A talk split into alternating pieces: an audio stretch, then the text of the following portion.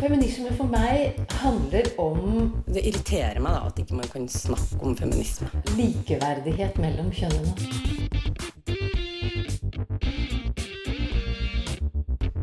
Det blikket på kvinnen på film. handlet det om å bli tatt på alvor som jente. Du hører på Et eget rom på Radio Nova. Nora bryter ut av ekteskapsrammene. Jane får en egen subjektivitet, og Holberg snur opp ned på alt sammen, mens Orlando skifter kjønn gjennom 300 år. I dag så skal vi dykke ned i litteraturen.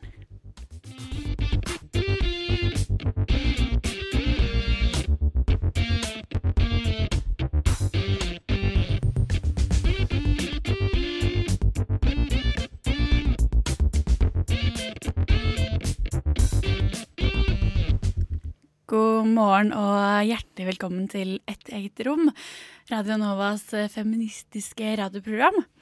Vi prøver jo stadig å finne ut hva feminisme er og kan være. Og i studio i dag så hører du meg, Eline Hystad, og Linda Therese Rosenberg. Og som alltid vår beste tekniker Helje Svensson. Vi, vi er, jeg tenker at vi jo, ser jo ofte på liksom politikk og verden og det som er ekte, holdt på å si. ja, Men, godt oppsummert. Ja, Men i dag så er det, er det fiksjon vi skal se på. Vi skal se på litteratur. Som jo er jo en, det er jo en speiling av verden, det òg, da. Ja, Det er jo en helt egen debatt for seg sjøl som vi ikke skal ta i dag, om hvorvidt eh, virkeligheten og litteraturen henger sammen. Um, men det er jo veldig masse spennende som kan skje i romaner. Og det blir jo litt sånn en tradisjonelle roman, eller tradisjonelle, eller klassiske romaner som vi skal se på i dag. Det blir litt sånn klassisk perspektiv på det. Det blir ikke det liksom aller mest spenstige, kanskje? Det kan vi skille på at vi bare har én time. det, Men ja. Det er så begrenset med en time når man har eh, 2000-4000 og man kan ta utgangspunkt i. Ja. Men det er, det er jo veldig mange som kan si noe om uh, mye. Også fordi de er liksom historiske dokumenter på mange måter også, da, tenker jeg. Og vi skal snart eh, sette i gang med en sånn britisk klassiker fra én av de tre Bronté-søstrene. Så du kan jo kanskje gjette kanskje litt på hvem det er. Og i mellomtida så skal du få ganske ny musikk fra Hvitmalt gjerde, som fortsetter med surferock-greia si. Og det er veldig koselig. Fingen for der.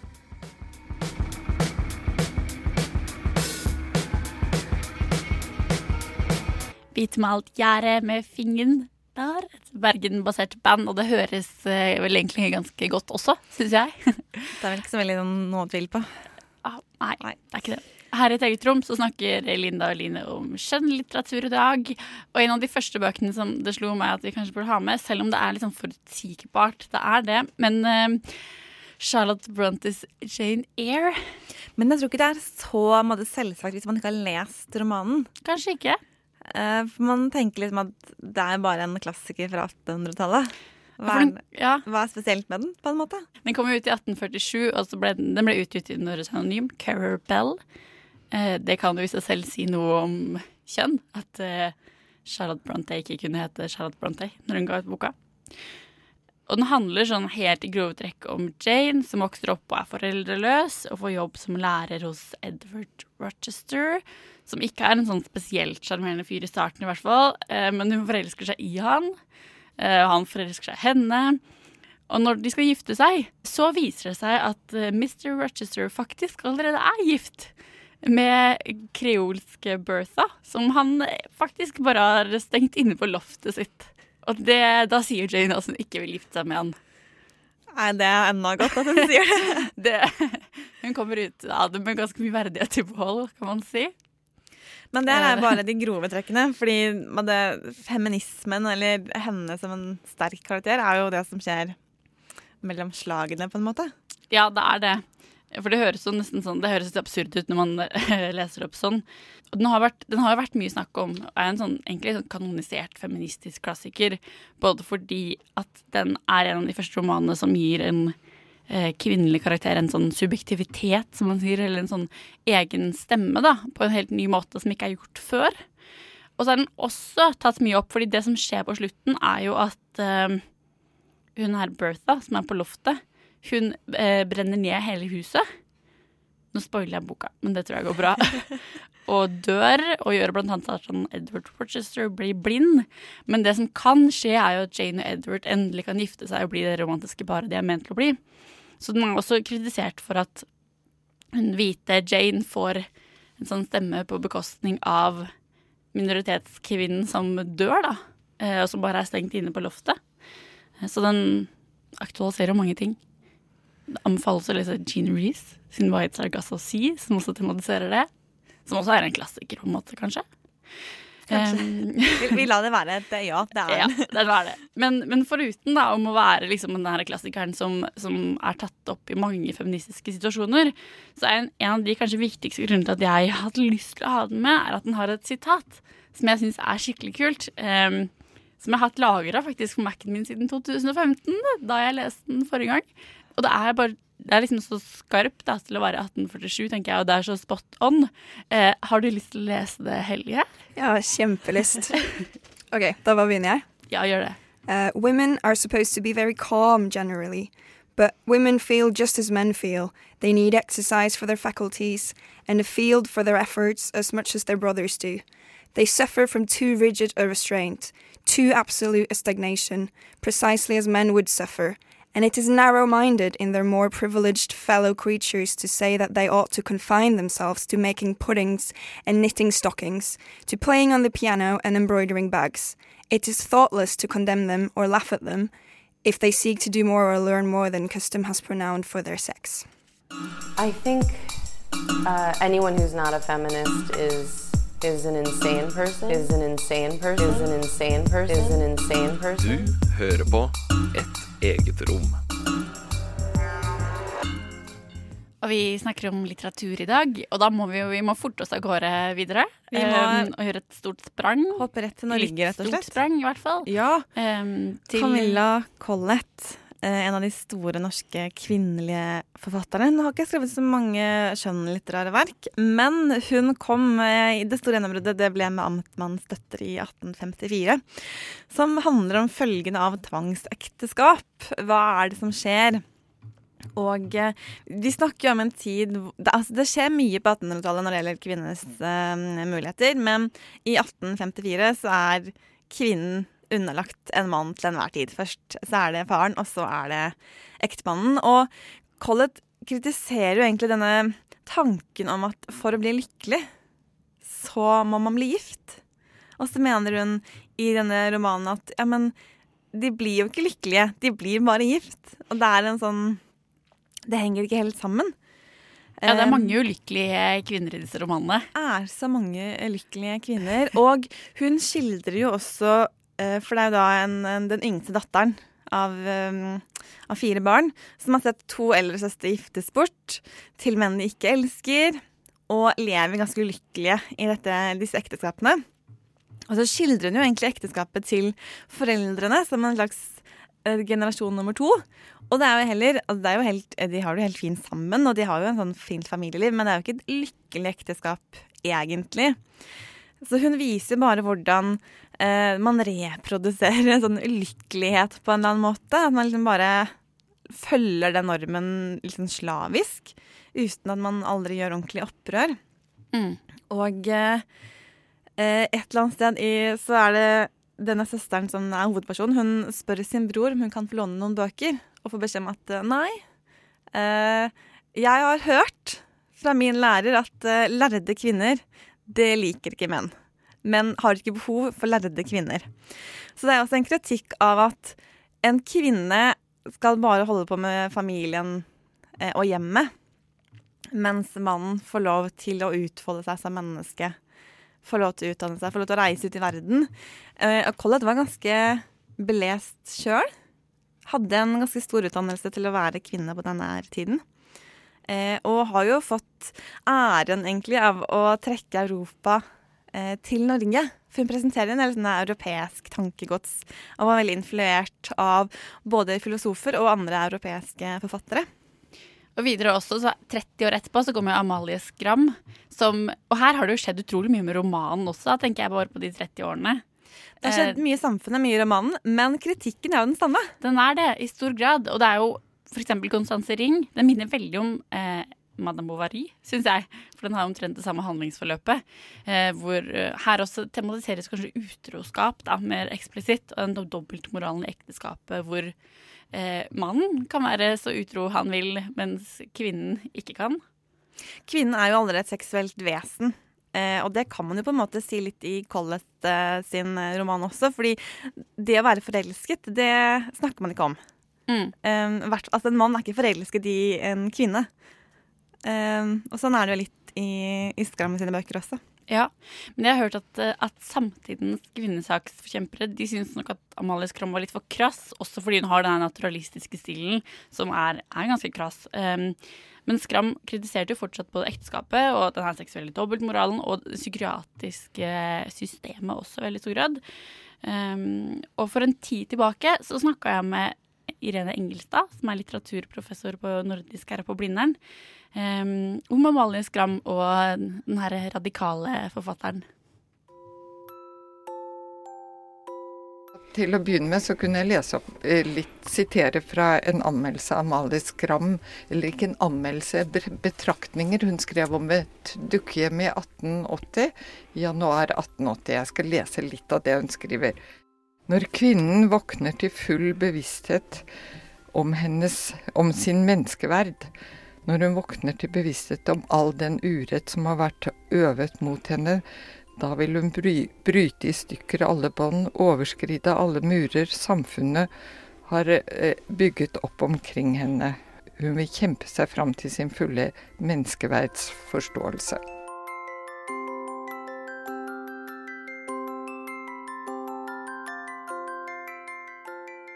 Hvis vi zoomer litt eh, ut igjen, kan du liksom kort fortelle hvem, hvem var egentlig Amalie Skram? Det er et godt spørsmål. Ja, hun ble født i 1846 i Bergen. Hun eh, giftet seg ung som 18-åring, eller ble gift, det kan man diskutere. Hun ble skilt i 1877, eller det er riktigere å si at hun hun skilte seg ikke i 1877, men hun ønsket skilsmisse. Og det førte til et eh, Hun ble liksom hindret i det, og det førte til et sammenbrudd, så hun ble innlagt på Gaustad asyl i Oslo, eller i Kristiania den gangen. Og så reiste hun ikke tilbake til mannen sin, eh, og hun fikk skilsmisse litt senere. Og etablerte seg da etter hvert i en sånn radikal krets etter hvert i Kristiania. Og så møtte hun Erik Skram, som var en ganske kjent forfatter og skribent i Danmark, dansk. Og så giftet de seg i 84, hvis jeg ikke husker feil. Og da debuterte hun i 85 med Konstanse Ring, og så skrev hun til sammen omtrent 20 bøker før hun døde i 1905, 58 år gammel. Ikke så gammel, altså. Amalie Skram skrev ikke om kvinnesak i debattinnlegg, men fra ulike perspektiver så skriver hun seg likevel inn i samtidens kvinnedebatter gjennom romanene sine. Først skrev hun fire ekteskapsromaner. Constance Ring kan f.eks. nevnes her. De her de handler om kvinneundertrykkelse og har et kritisk blikk på ekteskapet og seksuell dobbeltmoral. Siden så skrev hun Helligmursfolket, som er et stort verk i fire bind. og Det er hun kanskje aller mest kjent for. I kvinneforskningssammenheng så er hun også kjent for to romaner som er ganske selvbiografiske, og de her handler om opphold på psykiatriske klinikker i Danmark. Men det her eh, debattklimaet som Amalie Skram eh, skrev seg inn i, Mhm. hvordan var det i Norge på den tida her? Ja, du tenker særlig på kvinne, Ja, kvinnespørsmålet? Jo, det var jo altså mm, De viktigste figurene der, var, eller viktige figurer i hvert fall, var jo Gina Krog, som ble redaktør for det første kvinnetidsskriftet, Nylende, som jeg nevnte så vidt i stad, og eh, Ragna Nilsen. Og de skrev jo anmeldelser i disse i dette tidsskriftet, men også altså, mer agitasjonsartikler eh, om artikler om kvinnefrigjøring. Og Amalie Skram, Også, som sagt, de var skeptiske til Amalie Skram i den forstand. De, de, syns, de hadde et annet litteratursyn, rett og slett. Var hun for radikal, på en måte? Kan man si det? jeg vet ikke om det var det. Jeg tror det først og fremst faktisk var at hun ikke hadde noe optimistisk linje i de bøkene. Altså de, de ekteskapsromanene i seg endte jo med død. Selvmord i, noe, i den første av dem. Og uh, kvinnebevegelsen ønsket seg positive kvinnelige forbilder. Det var ingen, ingen som hadde lyst til å identifisere seg med denne skikkelsen Konstanse Ring. Og det er jo ikke så rart, da. Og de så ikke eh, Altså, de eh, ville nok ha sans for den kritikken Amalie Skram kom med av ekteskap og dobbelt, særlig den seksuelle dobbeltmoralen. Selv om kvinnebevegelsen på Skrams tid ønsket seg mer positive kvinnekarakterer, og syntes at Skrams naturalistiske stil var litt for brutal, så har kvinnebevegelsen i seinere tid via henne en del oppmerksomhet. Med den andre feministiske bølgen på 70-tallet så fikk hun en slags revolusjon. Altså, hun, jo, hun har jo vært lest hele tiden siden hun begynte å skrive. Men i litteraturhistorien så har det vært Hellemyrsfolket som har vært framhevet så veldig sterkt. Og så på 19, ja, 60, slutten av 60-tallet, kan vi vel si egentlig, og 70-tallet, så ble også disse romanene som ble kalt sinnssykehusromanene, oppdaget, kan du si, gjenoppdaget. De var jo nesten ikke nevnt i, i litteraturhistoriene. Og de ble, eh, altså, de ble verdsatt på en ny måte. Ut fra kanskje også inspirasjon fra 60-tallets antipsykiatriske altså bevegelser, kritikk av, av, den autoritære psykiatrien. Og også ble eh, ekteskapsromanene gjenoppdaget. Jeg var selv med å utgi Konstanse mm, Ring på Pax forlag og skrev et, et forord eller etterord, jeg husker ikke hva det var, eh, på det. Og, og det ble veldig lagt merke til. Det ble anmeldt i Informasjon i Danmark og, og trukket fram som, ja, som en nyoppdagelse på mange måter. Og så gikk det slag i slag med uh, interesse for henne. Alle ekteskapsromanene ble etter hvert gjenutgitt. Og så etter hvert uh, så kom jo en nyutgave av samlede verker, og så senere på 90-tallet en til.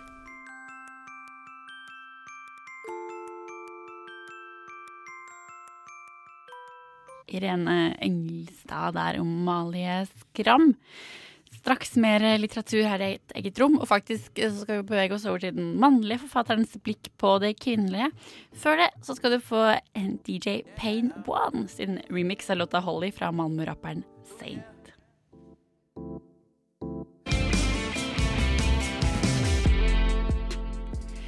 Remix av eh, Saint sin Holly hørte du der, med, med gitarsolo og hele pakka. Det er ikke så ofte vi hører det her på nå, syns jeg.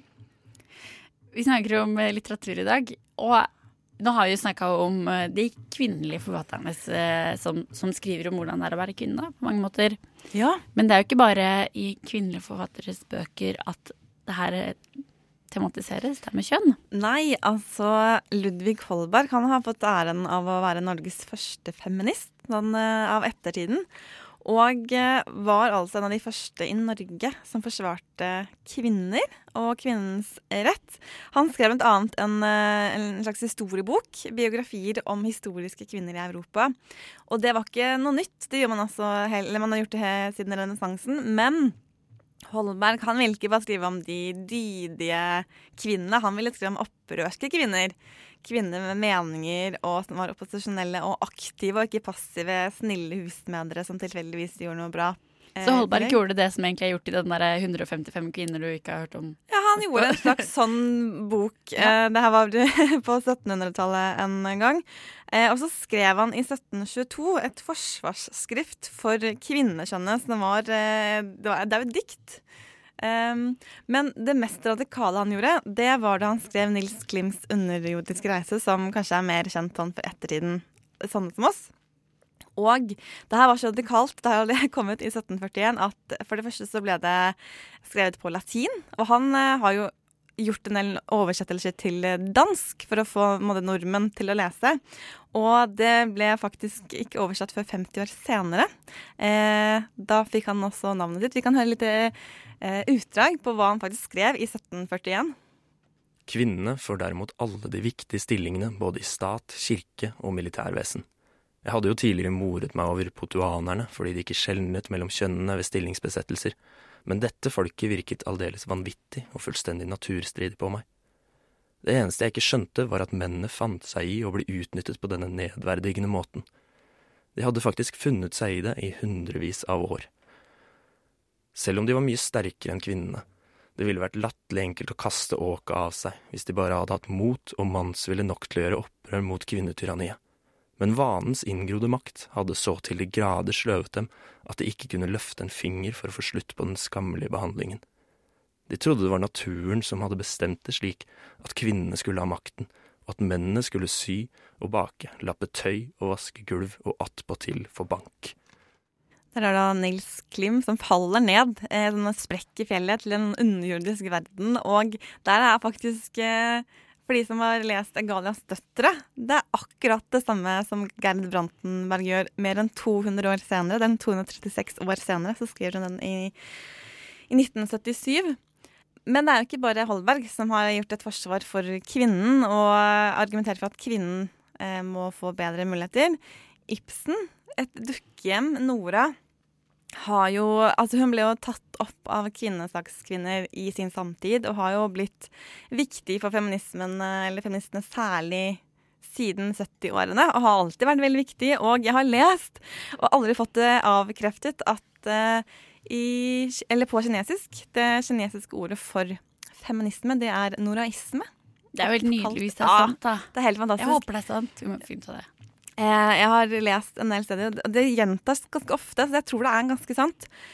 Men, men det som er interessant, fordi at han eh, Altså, et dukkehjem er jo en kritikk av samfunnets ekteskap og kvinnens stilling i ekteskapet, at hun er så umyndiggjort. Eh, er denne lekebarnet som ikke har noen meninger. Og det er jo sånn kjennetegn ved flere av Ibsens skuespill, at mannen er litt sånn kjedelig, Ja, naiv. Det er jo absolutt kvinnene som stikker seg ut i de, De- fleste av de. De er liksom, de er så mystiske også, da. De er litt rare og Og det er ofte umulig å skjønne, på en måte. flere av kvinnene har jo en, Det er de som har den derre eh, selvstendige etikken og moralen. Det er ikke samfunnets moral de lever etter, men de har måte sine egne meninger. Men Ibsen selv han definerte seg ikke som feminist, eller det hadde jo ikke det ordet, da, men han, var ikke, han skrev om mennesker. Jeg skulle ikke skildre kvinnens posisjon, og var visstnok litt sånn eh, skeptisk til å skrive et stykke som et dukke, men gjorde det etter eh, å ha blitt påvirket fra bl.a. Camilla Collett og også hans hustru Susanna. Om ikke annet så er vel kanskje Ibsen en noraist, da. Han er nok det. Han har eh, fått mye ære. Han holdt en tale i 1898 til Norsk kvinnesaksforening, hvor han var spesielt invitert og sa det at eh, jeg, jeg skjønner ikke hvorfor jeg er her, for jeg skriver jo bare om det å være et menneske. Men en annen eh, stor debatt i 1880-årene, eh, og egentlig hele 1800-tallet, det var jo prostitusjonen og denne dobbeltmoralen. Og en av de som tok den til nye høyder, det var eh, Christian Krogh og hans roman om Albertine. Du husker kanskje boken om Albertine, som veldig mange har lest enten på slutten av ungdomsskolen eller på starten av videregående.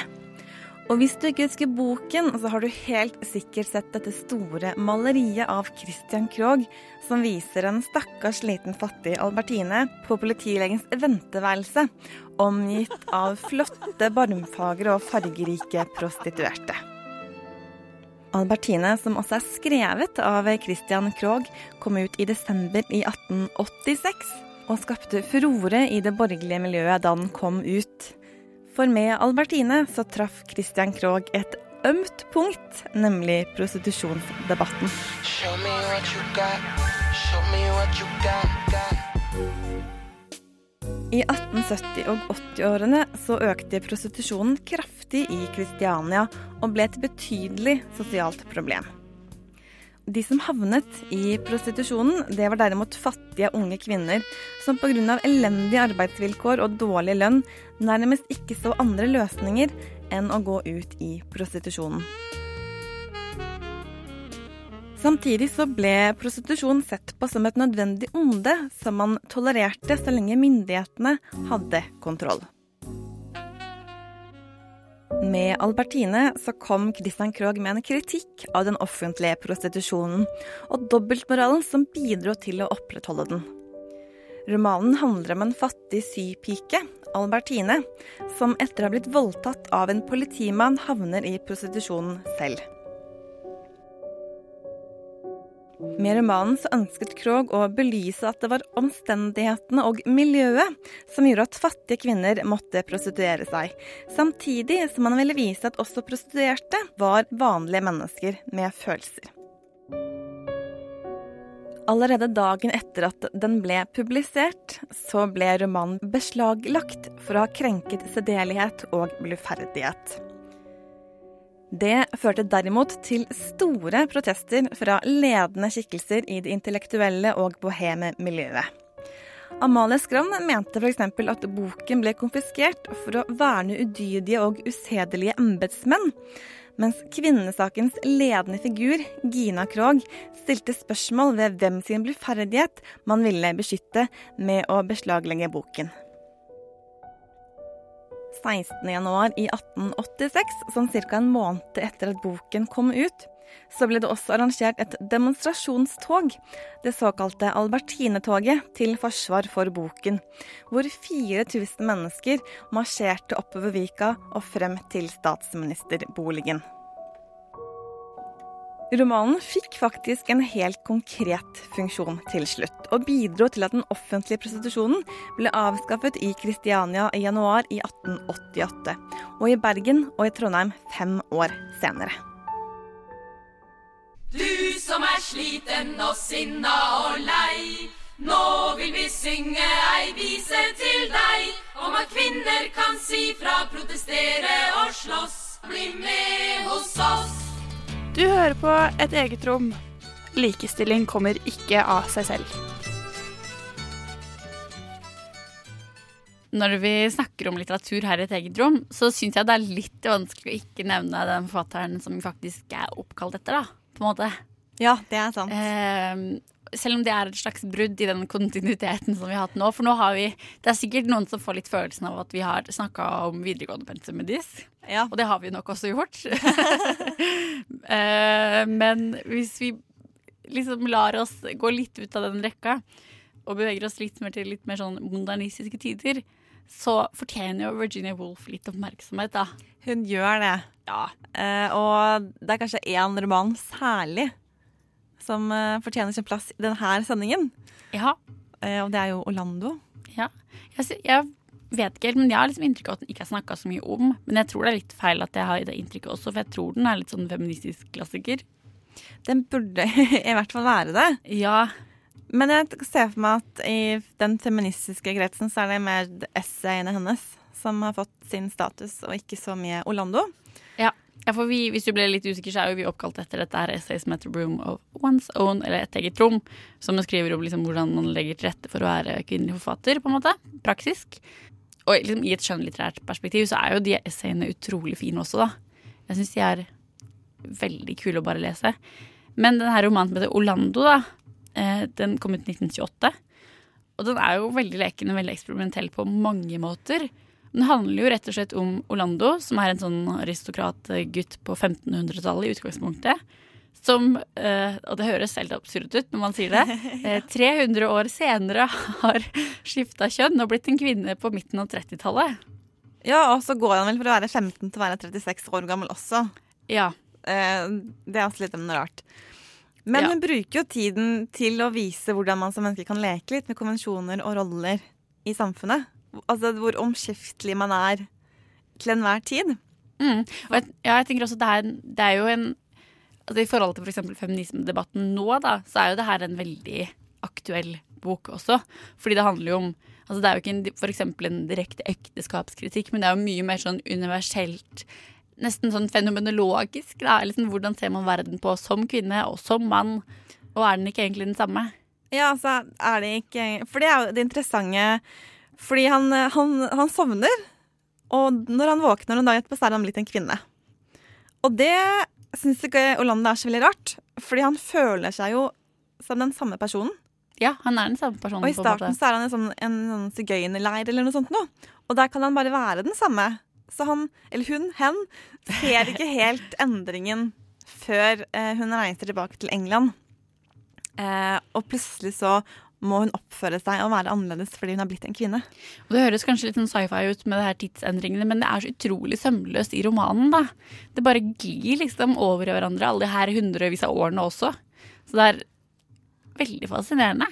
Og jeg tror Ja, den anbefales bare å lese generelt. Ja, den er en skikkelig kul eh, skildring av kjønn, tenker jeg. Og roller. Og det er Ja. med den derre crossdressing eh, flere steder. Ja. Eh, og jeg må prøve å finne ut hvor, hvor, når er det forskjellig å være mann og kvinne, når er det likt? På en veldig sånn naturlig måte også. Det er ikke sånn wow, skifta du nettopp kjønn? Det bare, det er jo det som er litt kult også. Det er ikke noe sånn stort poeng ut av det, tenker jeg. Um, hvis den hadde blitt gitt ut nå, så hadde det sikkert vært mye mer sånn Det handler faktisk om en person som Jeg vet ikke. Jeg bare ser for meg at det kunne ha blitt mer fokus på det, men, men det er jo også en, bare en god roman, liksom. Og veldig morsom roman. Ja. Det må man si. Fra Virginia Woolf til en annen engelsktalende kvinne, men en ganske annen eh, amerikanske Kiara med 'Say Anymore'.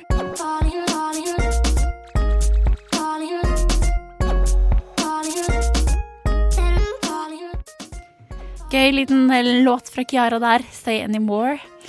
Vi snakker om litteratur her i eget rom i dag, Linda og Eline. Og da er det også verdt å nevne at her på Radio Nova så har vi et helt eget litteraturprogram òg. Eh, tekstbehandlingsprogrammet som sender hver onsdag mellom 10 og 11. Anbefaler oss å sjekke ut. Og i anledning eh, litteratursendinga vår så har vi henta litt inspirasjon faktisk fra tekstbehandlingsprogrammet. For de har en spalte som heter eh, Vis meg din bokhylle, eller noe slikt. Og den har vi også prøvd oss på denne uka her.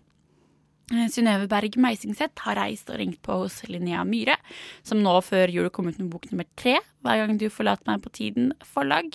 Hva har eh, hun i bokhylla si, mon tro? Leser du mye? Er det sånn du alltid har en bok til å lese på, og når du er ferdig med den, så begynner du på ny igjen? Nei, i perioder er det sånn. Men nå har jeg ikke lest på lenge. Eh, jeg har begynt på mye. Nå leser jeg den som heter I Love Dick, som jeg fikk av kjæresten min. Eh, som jeg egentlig ikke liker så godt, men jeg tvinger meg sjøl til det.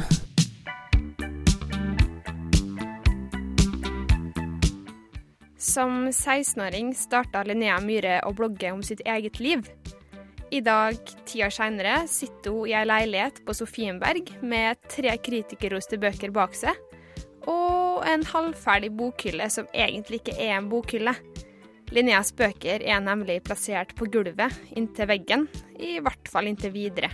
Dette er en liten del av en bokhylle. Eh, Jeg holder på å flytte, så det er ikke alt som har kommet ut av eskene ennå. Men nå ser jeg også, for nå har jeg jo bare lagt det liksom opp mot veggen, og nå begynner den å skrå, så nå er det egentlig ikke plass til så veldig mye mer heller.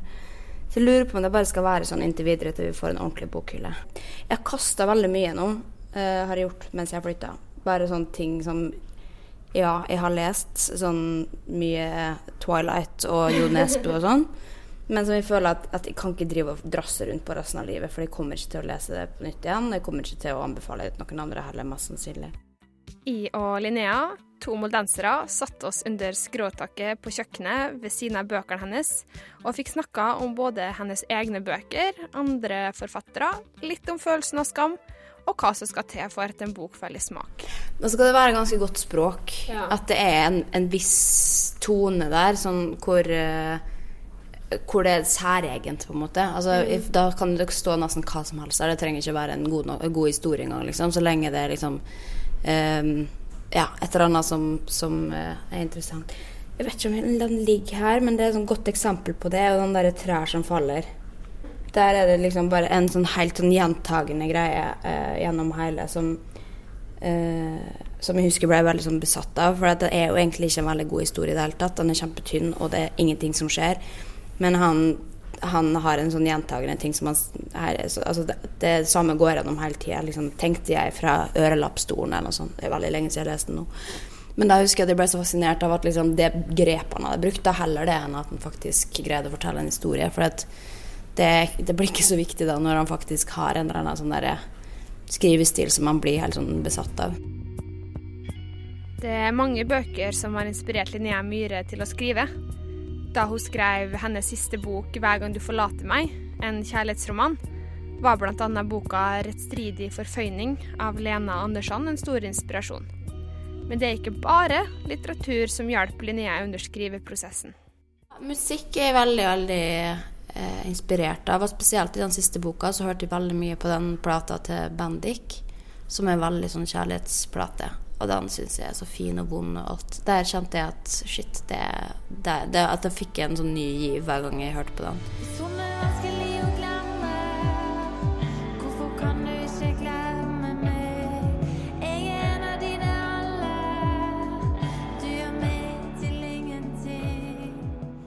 Jeg har hatt et litt sånn, som sagt, antiklimaks med den siste. Så nå er det sånn prøve å glemme at jeg har skrevet den.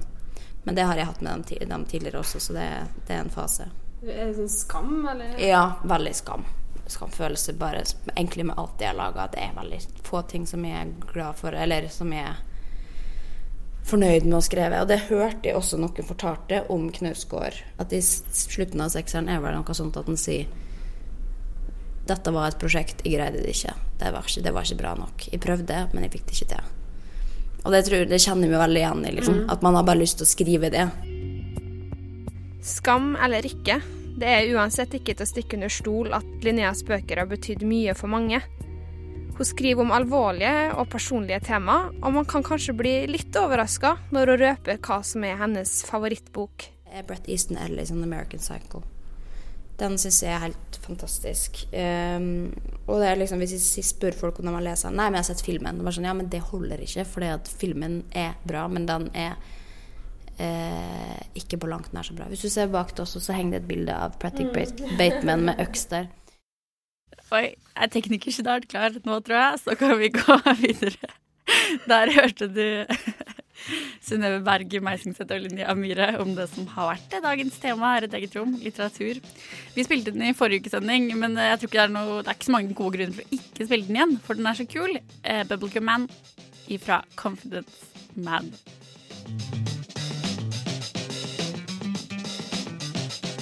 Confidence Man med låta Bubblegum hørte du der. Eh, og med det så hører du også de siste minuttene av Et eget roms litteratursending. Vi har jo på en måte bare så vidt kommet borti noe, men, eh, men det er i hvert fall noe, det òg.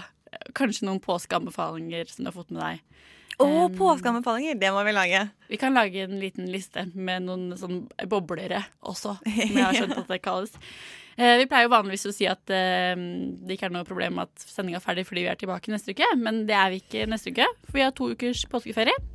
Men eh, på iTunes og Soundcloud så fins vi jo alltid. Rett etter påske så skal vi snakke om kroppshår, så vi ses da. Til da, du har hørt Line Hystad, Lina Therese Rosenberg i studio, med tekniker Hellige Svansson. Og Synnøve Berg Meisingseth har også bidratt. Helt til slutt her, Band of Gold med låta But in the Movies, Baby. I worship the rain.